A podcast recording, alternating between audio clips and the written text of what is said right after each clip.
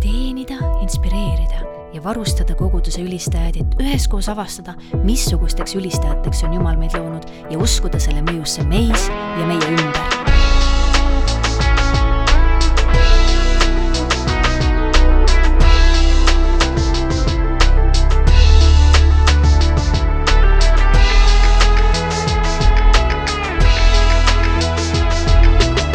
Inspireeriv ülistus tere tulemast tagasi kuulama meie saadet ja me räägime täna ka ülistusest ja kui te ei ole seda varem kuulnud, eelmised kaks leiate ka ülesse ja minge kindlasti kuulama ja aga täna, täna me vestleme teemal, kes on ülistusjuht ja vestluskaaslasteks mul on siin auline nimetada Rakvere Karmeli koguduse pastor Gunnar Kotiisen ja Rakvere Karmeli koguduse ülistusjuht Regina Viires, nii et tere tulemast! tere, tere.!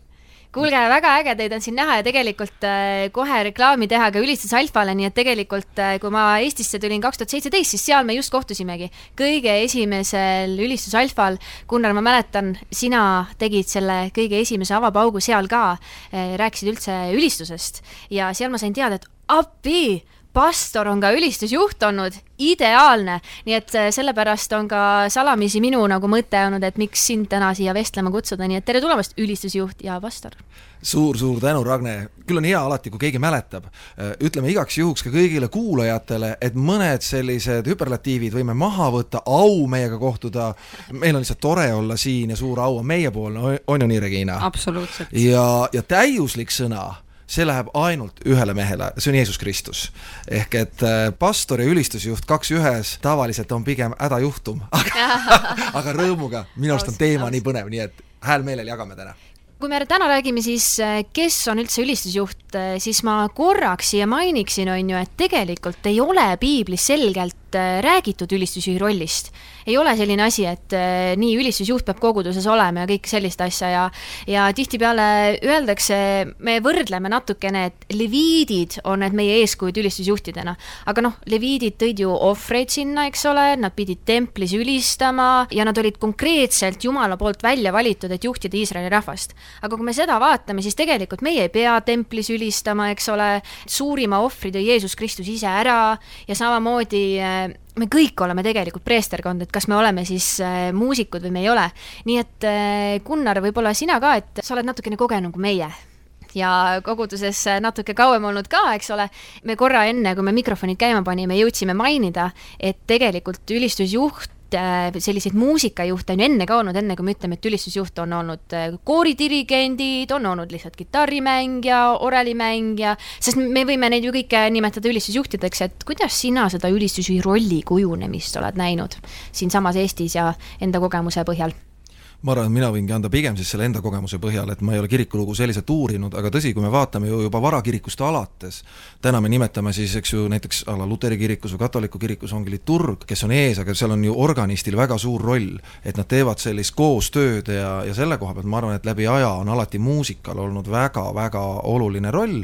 mulle tundub, et iga kord, kui tuleb ka kirikuloos midagi täiesti uut esile, tavaliselt see tuleb mingi ärkamislainena, on see siis näiteks õpetuslaine olnud või on olnud see selline Azusa pühavaimu väljavalamine, siis mõni aeg peale sellise uue tõusu tekkimist me tahame nii-öelda uusi funktsioone väga selgelt ja raamitletult nimetada.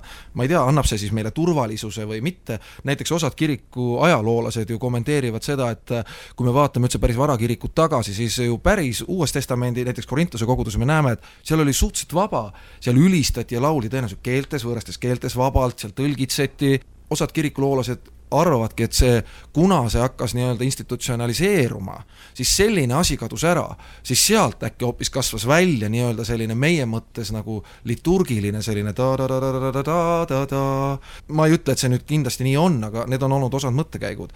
Kui me tuleme tänase päeva juurde, siis ma arvan, et me ei pea nii jäigalt paika panema, et noh, õige koššer ülistusjuht on ainult selline, aga ilmselgelt muusikal on täna taas nagu täiesti hindamatu roll kogu ühiskonnas.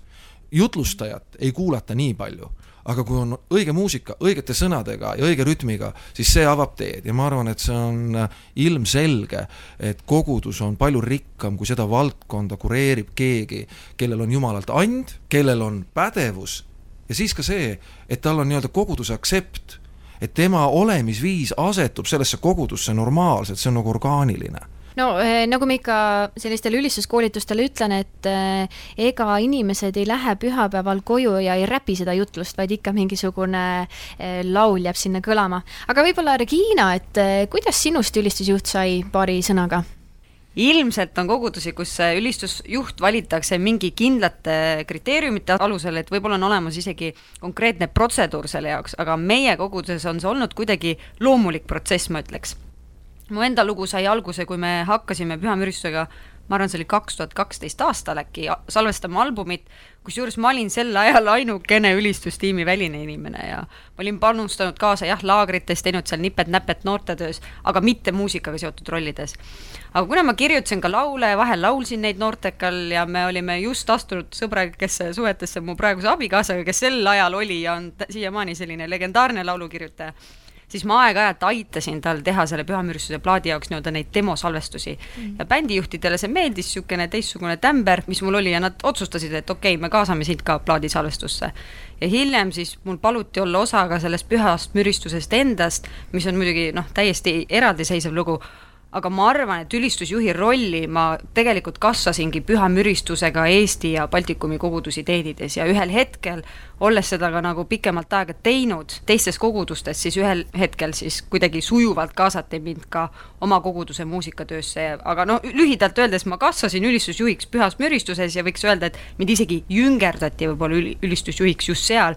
Ja seal Anni küpsedes sujuvalt kasvasin ma ka oma koguduse üheks ülistusjuhiks väga äge, see sõna jüngerlus minu jaoks paneb kohe asjad helisema. et kui ma mõtlen nagu selle peale, et kui me kuulame selliseid äh, vingeid podcast'e kuskilt äh, välismaalt, siis räägitakse, jaa, see on suur jumala kutse ja kõik, et aga kui ma nüüd kuulan nagu paljusid Eesti ülistusjuhtide lugusid, siis tihtipeale on see, et noh, mängisin klaverit ja natuke laulsin ja, ja siis üteldi, et kuule, et aga tule sina siis äh, juhi, et et kuidas teie seda näete, et kes võiks saada nagu ülistusjuhiks, et mis teema sellega on? Kuna mina olen täna ka ülistustiimi juhi rollis, siis meil käib see üldiselt nii, et kas ma ise pakun kellelegi meie muusikutest seda rolli proovida, katsetada, tunnetada, et kas on midagi, kuhu Jumal on seda inimest kutsunud või siis tuleb mõni meie ülistustiimi liige, ehk siis see ülistusmuusik, kes ütleb, et kuule, ma tahan proovida seda ülistusjuhi rolli, me räägime pastori ja muusikajuhiga läbi, et kas see on okei okay., kusjuures me vaatame seda, et kas see inimene on, on olnud ustav nagu eelnevates teenimisvaldkondades. milline on see tema vaimulik küpsus, et me ei otsi muidugi täiuslikke inimesi, vaid lihtsalt inimesi, kes armastavad Jumalat ja tahavad seda jätkuvalt teha ka parimal viisil ja kuidas ta suhtleb teiste inimestega, sest need head ja tervislikud suhted, ma arvan, ka ülistusjuhi rollis on, on hästi olulised. ja ma võib-olla ei teadvusta neid punkte nagu nii teadlikult, aga ma arvan, et otsustamisel on need nagu olnud siiamaani nagu oluliseks äh, kaalukeeleks väga hea, mis sa, Regina, välja tõid, et äh, see ongi selline, ma arvan, iga koguduse praktika, et kindlasti ka meie kultuuriruum on hoopis teine, kui me mõtleme Ameerikat eriti, seal selline superlatiiv on väga, noh, väga palju, eks ju, amazing, wonderful, super! Ja see on lahe, minusugusele natuurile see väga sobib, et ilmselt ka täna, kui sa küsid enamus Eesti pastorite käest, siis nad vastavad peaaegu sama, ma ei tea, no kuidagi käed löödi kantsli külge kinni ja ei saanud enam lahti, eks ju. Aga ma arvan küll, mis on oluline, olenemata rollis, kuhu me oleme asetunud, me peame ikkagi endale selgelt tunnistama, võib-olla kutsus pastor, võib-olla selleks oli vajadus, mina absoluutselt ilma mingi muusikakooli taustata, lihtsalt oli üks hetk, kus äh, meie koguduses ei olnud nii-öelda üldse klahvimängijaid tänapäevase ülistusmuusika jaoks, siis ma hakkasin plinkadi-plinkadi sealt, see oli ainus vajadus või põhjus, miks. ja mul on väga hea meel selle koha pealt, et täna ma praktiliselt seda enam üldse ei pea tegema, sest seda andi on palju rohkem tulnud. olenemata sellest, mis on olnud meie rada, ma arvan, me peame ikkagi julgelt ütlema, et jumal on mind kutsunud, ma olen see, kes ma olen selles kohas, kus ma olen tema armust ja tahan anda oma parima. aga kindlasti on see ka, et ega noh, rahvaarv ongi nii erinev mu hea sõber Andres Leesik kunagi rääkis seda lugu, kui ta läks Londonisse ja ta ütles, et ta oli lihtsalt nagu pahviks löödud, et seal ainuüksi ühes koguduses, suur kogudus, kus ta käis, ta ütles, et seal on rohkem muusikalist potentsiaali kui kogu Eestis kokku ja see ei ole mitte hea ega halb, vaid noh, saadki aru, et kui sul on kümme miljonit inimest ühes linnas ja sealt sul on vaja kolme inimest leida, vot siis sa teed konkurssi ja nii edasi. kui sul on äh, sada inimest ühes alevis ja sul on vaja ühte leida, siis on nii äge, et sa saadki võtta sealt selle autentse ja see ei ole nagu halvem ega parem, vaid ma arvan, et see peabki olema nagu toimiv, Jumalat austav ja inimesi teeniv selles kogukonnas. see on nagu primaarne. et täna me oleme õnnistatud, aga ma arvan ka lõksu püütud natukese selle meediasurvega. et noh, iga teenistus, mida me teeme, on ju järelvaadatav miljoneid kordi Facebookis ja Youtube'is, siis on ilgelt piinlik, kui ma näen natukese kehvem välja kui Michael W Smith. vaata see pad, mida tema ikkagi suutis oma klahvist välja võluda, noh mina tead, keevitasin, tinutasin, kallasin vett ka peale klahvile, no ei tule eks ju no,. sa räägid sellest pühavaimu päädist või et üks selline sound, mis siis klaverile juurde keeratakse, et nahakarvad püsti tõuseksid. no väga mõnus, väga mõnus. selleks peab vist eh, mingi hea klaveri ostma või midagi sellist. Nord Stage või midagi. no näiteks midagi sellist või tegelikult Timo Lige ütles ausalt, et minul seda pühavaimu päädi ei ole, et aga näete, pühavaim on ikka kohal, nii et ei ole tarvis mingisuguseid fancy sid klavereid selles mõttes küll. aga nii hea, nii hea, mis te ütlete et äh, te rääkisite tegelikult, ütlesid sa, Regina, ka nagu nimetasid pühavaimu vilju või, või vilja, siis kannatlikkust ja mis, mis tema elus nagu esile tulnud on, et aga räägiks korra nendest andidest ka, et äh, kui mõni võib-olla praegu, kes meid kuulab, mõtleb, et missuguseid ande mul siis olema peab, et, et ülistusjuhiks saada mina arvan, et kõige olulisem asi on see, me peame armastama inimesi. Et me tihti Karmelis ütleme Nii, seda, et kui me kuskile nii-öelda lähme lavale, et mis me tegema lähme, lähme armastama inimesi. kui kellelgi on selleks and jutlustada, laulda, aga, aga kirik korda teha, panna mingi kihvt suvaline võsa lavale ja kui see suvaline võsa on lavale pandud, siis vaatad, ollala, milline kaunistus, eks ju. aga see kõik peab olema seal, et ma armastan neid inimesi. ma tean, et mingitel hetkedel, kui me alles alustame, võib-olla me noh, me põeme seda lavalolekut ja nii edasi, see on segatud paljude asjadega. see on esimene asi. eriti kui me räägime muusikast ja ülistusest, siis ma arvan, et ilmselgelt noh, inimene peab ikkagi üldiselt viisi pidama, kui ta laulab ja, ja noh, natukese ikkagi muusikas nagu olema võimeline arenema et ma olen väga seda meelt, et sellist nagu sügavat äh, lauluharjutust ei tohiks nagu teenistusel teha. aga mis ei tähenda seda, et, et noh, me olemegi ju igaüks oma teekonnal kindlasti, mis on tegelikult ju igas valdkonnas oluline, aga eriti ma arvan, ülistusjuhil on see, et ta peab olema koostöövõimeline. mõnes koguduses see on pastor, eks ju, kes kõiki asju haldab, mõnes koguduses võib-olla see on, eriti tänasel päeval, kui me salvestame, on veel ju netiteenistused, ehk et siis see tähendab produktsioonijuht ütleb, et see lugu peab olema kolm nelikümmend kaks või kolm nelikümmend neli ja sinna ei mahu midagi rohkemat et ta, ta peab olema nagu selles mõttes koostöövalmis ka. aga, ja neljas ma ei pane neid nii väga võib-olla järjekorda, aga lihtsalt, mis ma tahan ära märkida, on soov areneda võib-olla ikkagi, kui järjekorda panna, et armastan inimesi ja tahan kasvada ja areneda. et ma arvan, need, kui need driver'id on olemas, siis tegelikult äh, me oleme väga sobilikud ülistuses juhiks olema või ülistuses kaasa lööma. see on juba peaaegu ideaalne, aga Regina, on sul midagi lisada siia? Noh, ma ise alguses, kui sa ütlesid kohe need annid, siis ma hakkasin mõtlema, et huvitav, kas need prohvetlikke andi ja nii edasi, ma arvan, need on kõik need, mis, mis kõik toetavad seda ülistusjuhi andi, aga mm. ma arvan, et kõik see, see armastus inimeste vastu ja armastus Jumala vastu, ma arvan, need peavad olema omavahel nagu kätketud. ja kõik muu on lihtsalt boonuseks ja, ja annab selle Annile võib-olla sära aga mm. jah, see inimeste armastamine ja, ja, ja Jumala armastamine on, on hästi olulised. oota, milliseid inimesi siis täpselt armastama peab, igaks juhuks küsin üle, et kas neid inimesi, kes bändis on või, või nagu kellega ma teen või need inimesed, kes siis äh, koguduses on, keda ma juhin või? ja need, kes valitsuses on ja? jah, milliseid inimesi siis armastama peab no ma arvan, esimene, et see ei oleks liiga filosoofiline, loomulikult Jumal on kutsunud meid armastama kogu seda maailma, sest tema poeg tegi, nõnda on Jumal maailma armastanud. aga peamine on see, see kamp, keda ma täna teenin. et ma olen kutsutud, nemad ei ole kutsutud ju sinna sellepärast, et mul on ilgelt hea and noh, mina olen ikkagi nii võimekas ja nii kihvt ja teil ikka hullu pööra joppas, et mina siin laval olen. et ma arvan, et see on ka see põhjus, kus vahest kõik teenijad, mitte ainult ülistusjuhid, lähevad sellele teelahkmele, et äh, noh, meil on igalühel oma mingi puudus. noh, meil on omad võitlused ja siis me kukume mingisse ämbrisse, pärast seda ämbrit läheme lavale. Ollala! Ja see asi toimis, jumal tegutses, jumal liikus ja siis osad inimesed ütlevad, no näed, järelikult jumal aktseptib seda minu nagu pattu nii-öelda. Mm.. ma arvan, pigem see jumala töö ei olnud ju tänu minule, vaid vaatamata minule, ma pean väga selgelt aru mm. saama, et see and, mis mulle on antud, tegelikult see and, mis mind ennast ka ju toidab see õnnistab ja julgustab mind ennast, see on antud sellepärast, et Jumal mõtleb nendele inimestele ja see and nagu parimal kujul käivitub, kui mina armastan neid inimesi, keda mind on täna teenima pandud. just, väga vinge. Amen, brother nii on, amen võib või aamen võib selle peale ütelda küll. võib-olla räägiks ka siis sellest, et kas äkki me natukene ülehindame vahel seda ülistusjuhi rolli. et kui prosed enam näkku ei paista ja miks ma peaksin siis tahtma olla ülistusjuht, et eh, kas kodugrupis eh, ülistusjuhtimine, kõik see, kuidas, kuidas see kokku käib?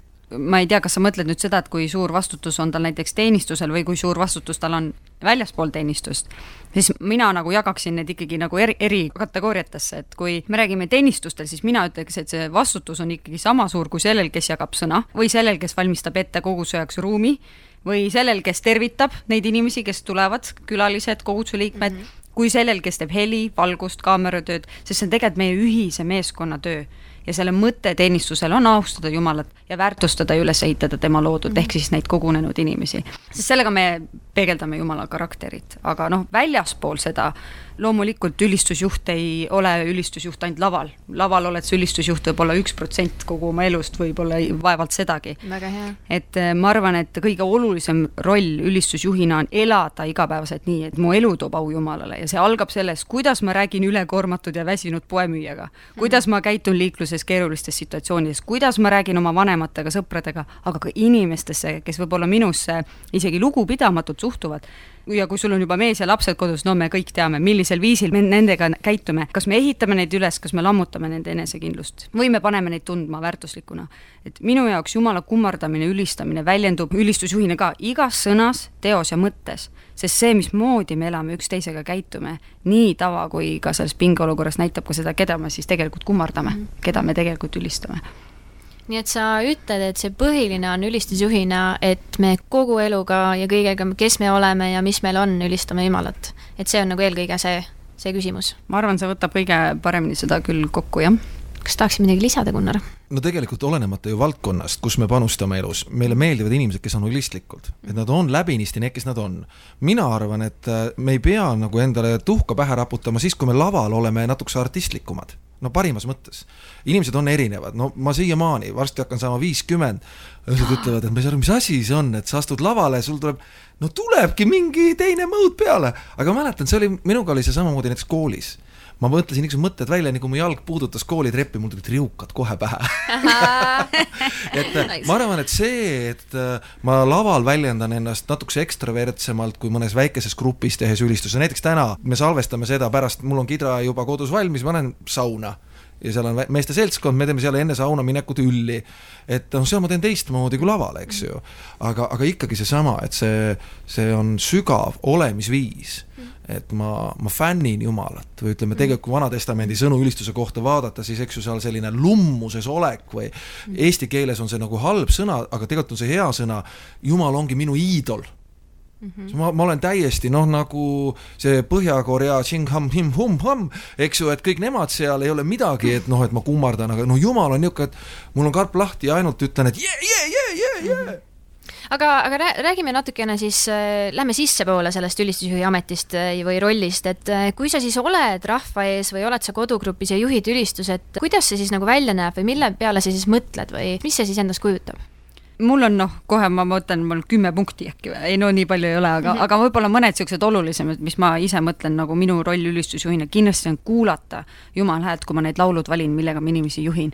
Ja kogu see ettevalmistuse protsess ka, et ma ei, ma ei vali oma lemmiklaule, vaid ma valin neid laule, millega ehitada üles kogudust. Ja ma kuulan ka Jumalat, et, et mida ta tahab täna teha nende inimeste eludes, mida ta tahab, et, et need inimesed välja laulavad ja nii edasi, et, et see on nagu minu see fookuspunkt. aga samas ka seada isa, poeg ja pühavaim ülistuse keskeks, et austada seda, seda Jumala terviklikku äh, olemust ja seda nii lauludes kui see üli, ülistuse juhtimises ka, et mõlemat ja samamoodi ka Jumala sõna, et see osavalt siduda nii laule kui Jumala sõna, ehk siis väärtustada seda Jumala sõna tekstides, kui ma la-, valin tekstid, et meil on, meil on mõned laulud, mis on sellised võib-olla spontaansemad, kus võib-olla sellist sõnale nagu rõhku asetavat rolli ei ole nii suurel määral aga ma arvan, et nendes lauludes peaks olema neid kohti, kus, mis väga nagu väärtustavad Jumala sõna. või siis, kui me loeme ka näiteks ülistustekste, mis väga hästi haakuvad selle lauluga mm. -hmm ja samamoodi ka julgustada kogunenud rahvast, aidata neil kergesti sisse ülistusse astuda, sellega kaasa tulla, võib-olla mõni tunnistus, võib-olla mõni, mõni lugu, kuidas Jumal sind see nädal kõnetas. tuletada meelde sedasama rõõmusõnumit, et Jumal tahab ja ta teeb ka täna imesid nende mm., nende eludes, sest see on osa tema karakterist, see on osa tema tegudest ja olemisviisist. aga tegelikult ka rõõmustada Jumala ligiolus ja li, mm. ligiolust ja kutsuda kogudust kaasa seda tege-, seda tegema ja ja, ja teisalt ka minu roll, ma arvan, ülistusjuhina on aidata luua seda atmosfääri, kus kogudus ja Kristuse pruut ja Kristus kui koguduse pea saavad intiimselt ja kuidagi haavatavalt üksteise ees olla ja oma südant jagada. et ma arvan, need on võib-olla sellised punktid, mis ma välja tooksin. kas mhm. sa, Gunnar, tahad midagi lisada?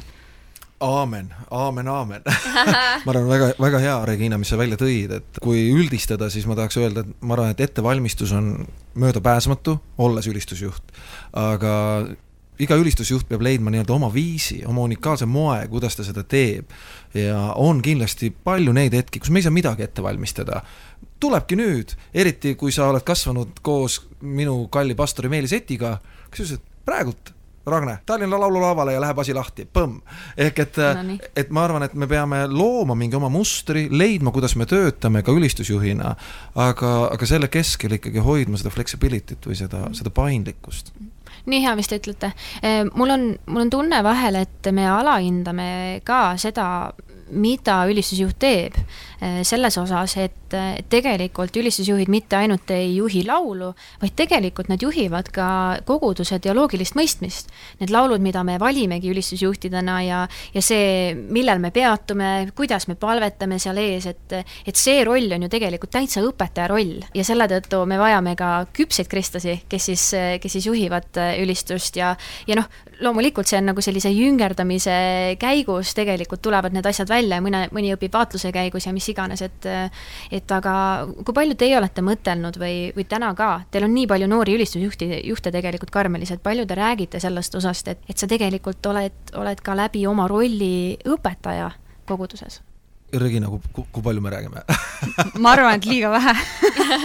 Kui ma väga aus olen, et jah, okei okay,, meil oli eelmine aasta, me tegime väga suure kampaga koos, võib-olla sina oskad isegi arvuliselt, Ragne, öelda, aga me tegime läbi selle ülistus alfa kursuse suure osa meeskonnaga ja ma arvan, et seal seda sai rõhutatud, aga ma ei, ma ei ole kindel, kui palju me seda nagu praktikasse saime nagu panna aga ma arvan, et seda tuleb jätkuvalt äh, rõhutada, aga ma ütlen, et minu arvates on ka ülistuslaulude kvaliteet Eestis väga palju nagu paranenud, ma mõtlen just sisu osas. eks sa ise hakkasid laule ka kirjutama rohkem ja välja laskma mitte, mitte ainult, vaata, tegelikult ka PP meeskond, kogu, kogu see festivali meeskond, kes salvestab neid lugusid ja Joonas, kes, kes salvestab lugusid, Juhan, kes salvestab lugusid, kes kõik ja. on sellised sügavad ja jumalale pühendunud inimesed, et ma arvan, et et see, et see ülistuslaulude kvaliteet on paranenud, see on nagu aidanud ka võib-olla teoloogiliselt meil saada mm -hmm no õpetada kogudust paremini.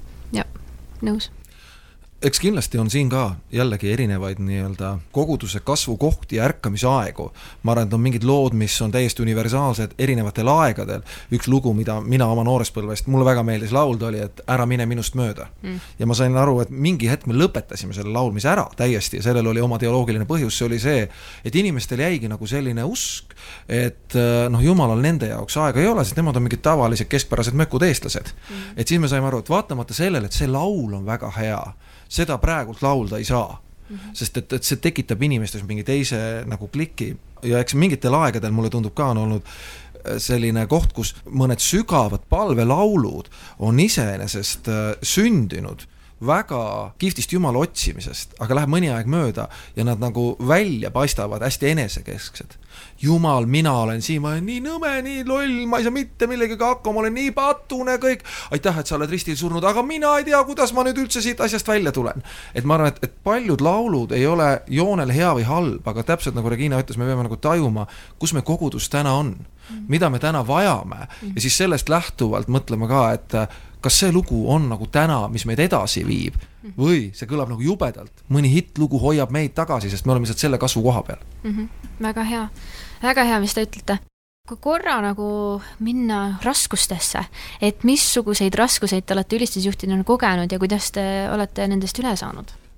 Kuigi meil on ikkagi päris suur tiim täna, meil on seal kuskil kakskümmend, kakskümmend viis inimest, võib olema liiga optimistlik, aga minu arust neid on ikka tõesti ikka terve hulk selliseid ustavaid inimesi, siis mingi hetk oli selline aeg, kus osad muusikud läksid teise linna või lausa teise riiki õppima ja mõned läksid pikaks ajaks komandeeringusse välisriikidesse ja need olid just eh, need muusikud, kes ka võib-olla iga päev, iga pühapäeval ustavalt panustasid ja algus oli hästi raske, sest see sundis meid nagu tiimina rohkem usaldama ja üles kasvatama seda järgmist põlvkonda ülistajaid, kelle ees me täna muidugi väga tänulikud oleme, aga see üleminekuperiood sellest, kus ühed lahkusid ja teised ülistusmuusikud veel ei olnud tulnud, siis see oli nagu ma ütleks, oli üks keerulisemaid aegu, vähemalt noh, ülistustiimi juhina ma seda nagu tund-, kogesin. aga kui noh, rääkida nüüd konkreetselt ülistusjuhi rollist, mida, millega võib-olla ülistusjuhid mm -hmm. rohkem kokku puutuvad, siis äh, ma arvan, et kui ma alles, alles alustasin, siis äh, nädal enne seda pühapäeva, kus ma pidin siis juhtima, eks ole, see oli ikka tuntavalt selliseid vaimseid rünnakuid täis,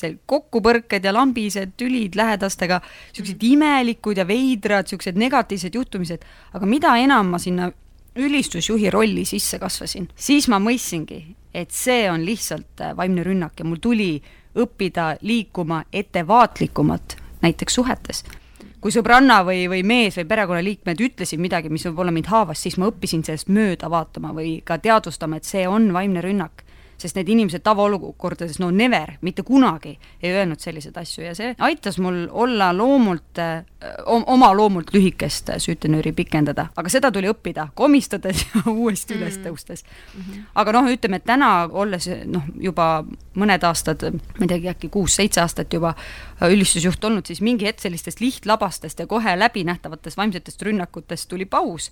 ja täna ma võitlen võib-olla pigem sellise füüsilise väsimuse ja ajapuudusega, et, et muidu energiat, aega on, aga vot kui on vaja teenistuseks valmistada, siis see aeg ja energia saab kohe kuidagi äkitselt otsa mm. -hmm. aga ma arvan, see on nagu ka protsess ja ma arvan, et ma ei tea, milliseid, milliseid raskusi sinul ülistusjuhina on ette tulnud, Gunnar ma arvan, et äh, igas valdkonnas, kus me kogu südamega panustame, on nagu seda, sellist vastuseisu. meist tulenevalt, olukordadest tulenevalt, et neid tuleb kaardistada, ma arvan, et neid ei tohi nii-öelda nagu pühadeks lehmadeks muuta mm., et ühed on nagu need eriti kogu aeg nagu, kes kuradiga võitlevad ja teised on niisugused, no need saavad taga kusagil metsatukas suppi keeta mm. -hmm. aga ma arvan, et kaks sellist suurt teemat, mis on olnud ikkagi läbi aegade, mingitel hetkedel rohkem, mingitel hetkedel vähem, üks, eriti siis kui mina alustasin, oli see, et noh, inimesed ei tulnud kuidagi kaasa et kogu see ülistuskultuur ka sellisel kujul oli uus ja, ja see oli nagu väga keeruline.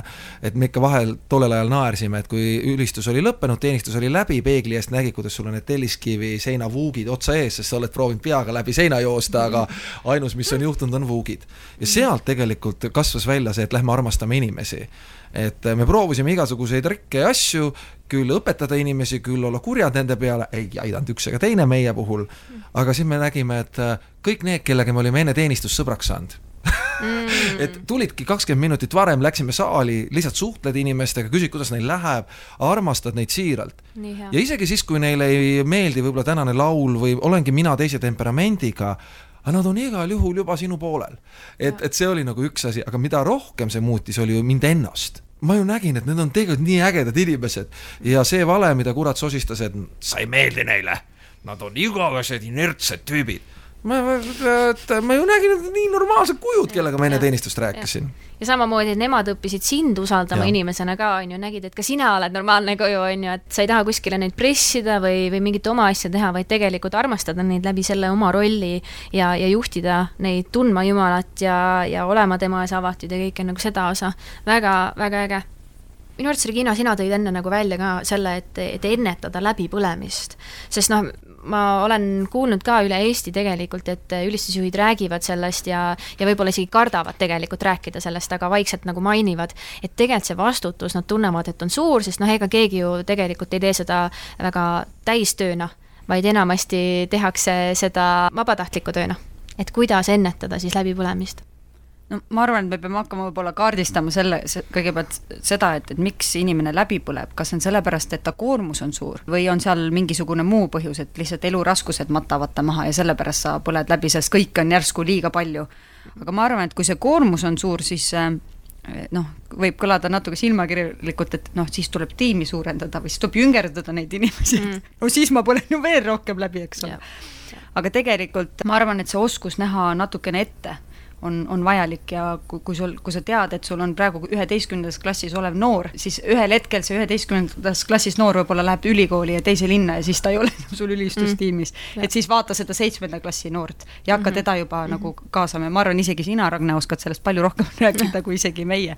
et meil oli võib-olla tänu Fusionile palju see suures osas sai seda nii-öelda seda koormust nagu maandada, et, et ma ise nagu ei ole kogenud väga palju ülistusjuhina, et ma oleks läbi põlenud just selle nagu suure koormuse läbi, sest ma ütlen, et meie tiim on täna sellisel, sellises suuruses, et, et ma, hea, kui ma korra kuus ülistust saan juhtida, et hea, kui ma kahe kuu jooksul saan mm. korra ülistust juhtida, et mm -hmm. et, et tiim on nagu nii palju seda läbipõlemisohtu nagu ülekoormuse tõttu mm. just mm -hmm. nagu maandanud aga see on nüüd natukese teistmoodi, kui algusaastatel oli, et kui ülistusjuhiks oli Gunnar Kotiisen, kitarristiks oli Madis Pikat ja nädalas oli kolm või neli teenistust. Ja, ja me panime kogu aeg, eks ju. Wow.. võib-olla meie puhul vahest tagasi vaadates ma pigem mõtlen, huvitav, kuidas see saal läbi ei põlenud et ikkagi lõpuks on ju niisama pande, kes teeb.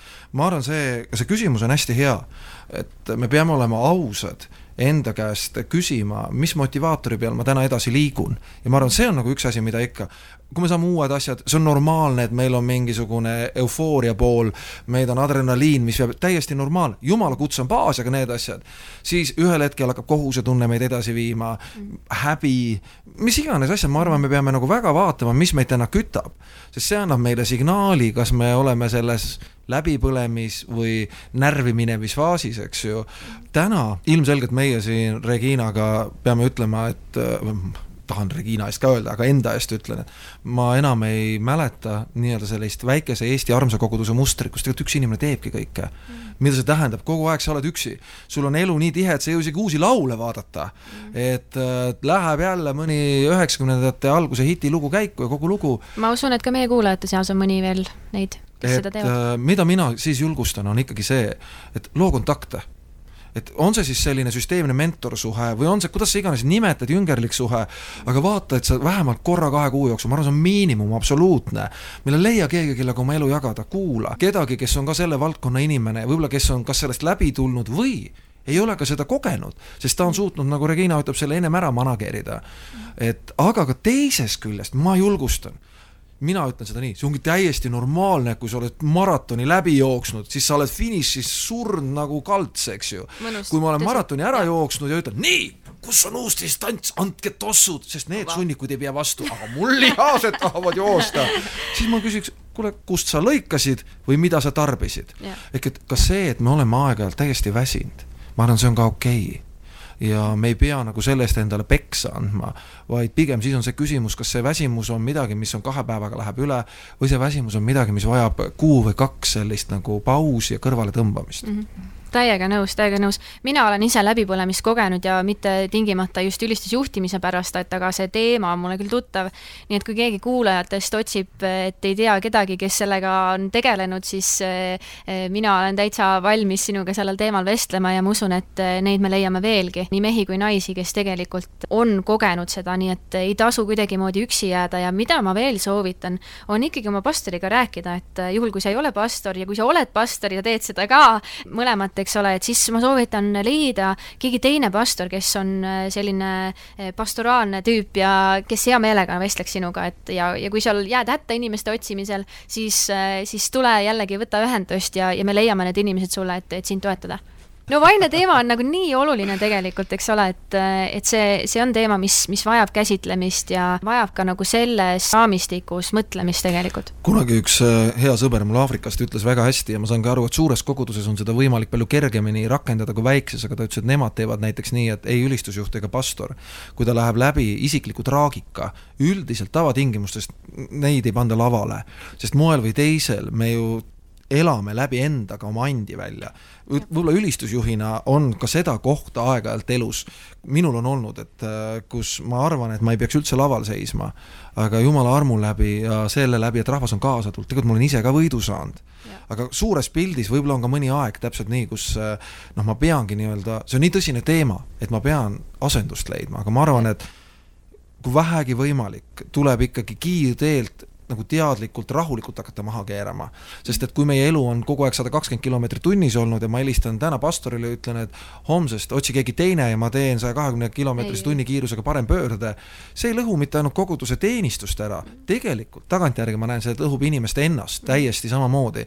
sest siis, kui ma olen nagu maha rahunenud, tulla tagasi on nii raske, sest seal on juba sellist nagu natukese reetmist ja lapsikust ja kõike muud olnud, nii et mm -hmm. Ma olen hästi nõus, Ragne, nende teemadega tuleb väga süvitsi tegeleda mm. -hmm aga ka julgelt ja teadlikult. mida ma unistan, ma arvan, koguduste raamistikus, on see, et me, me tajuksime ühist vastutust suuremana.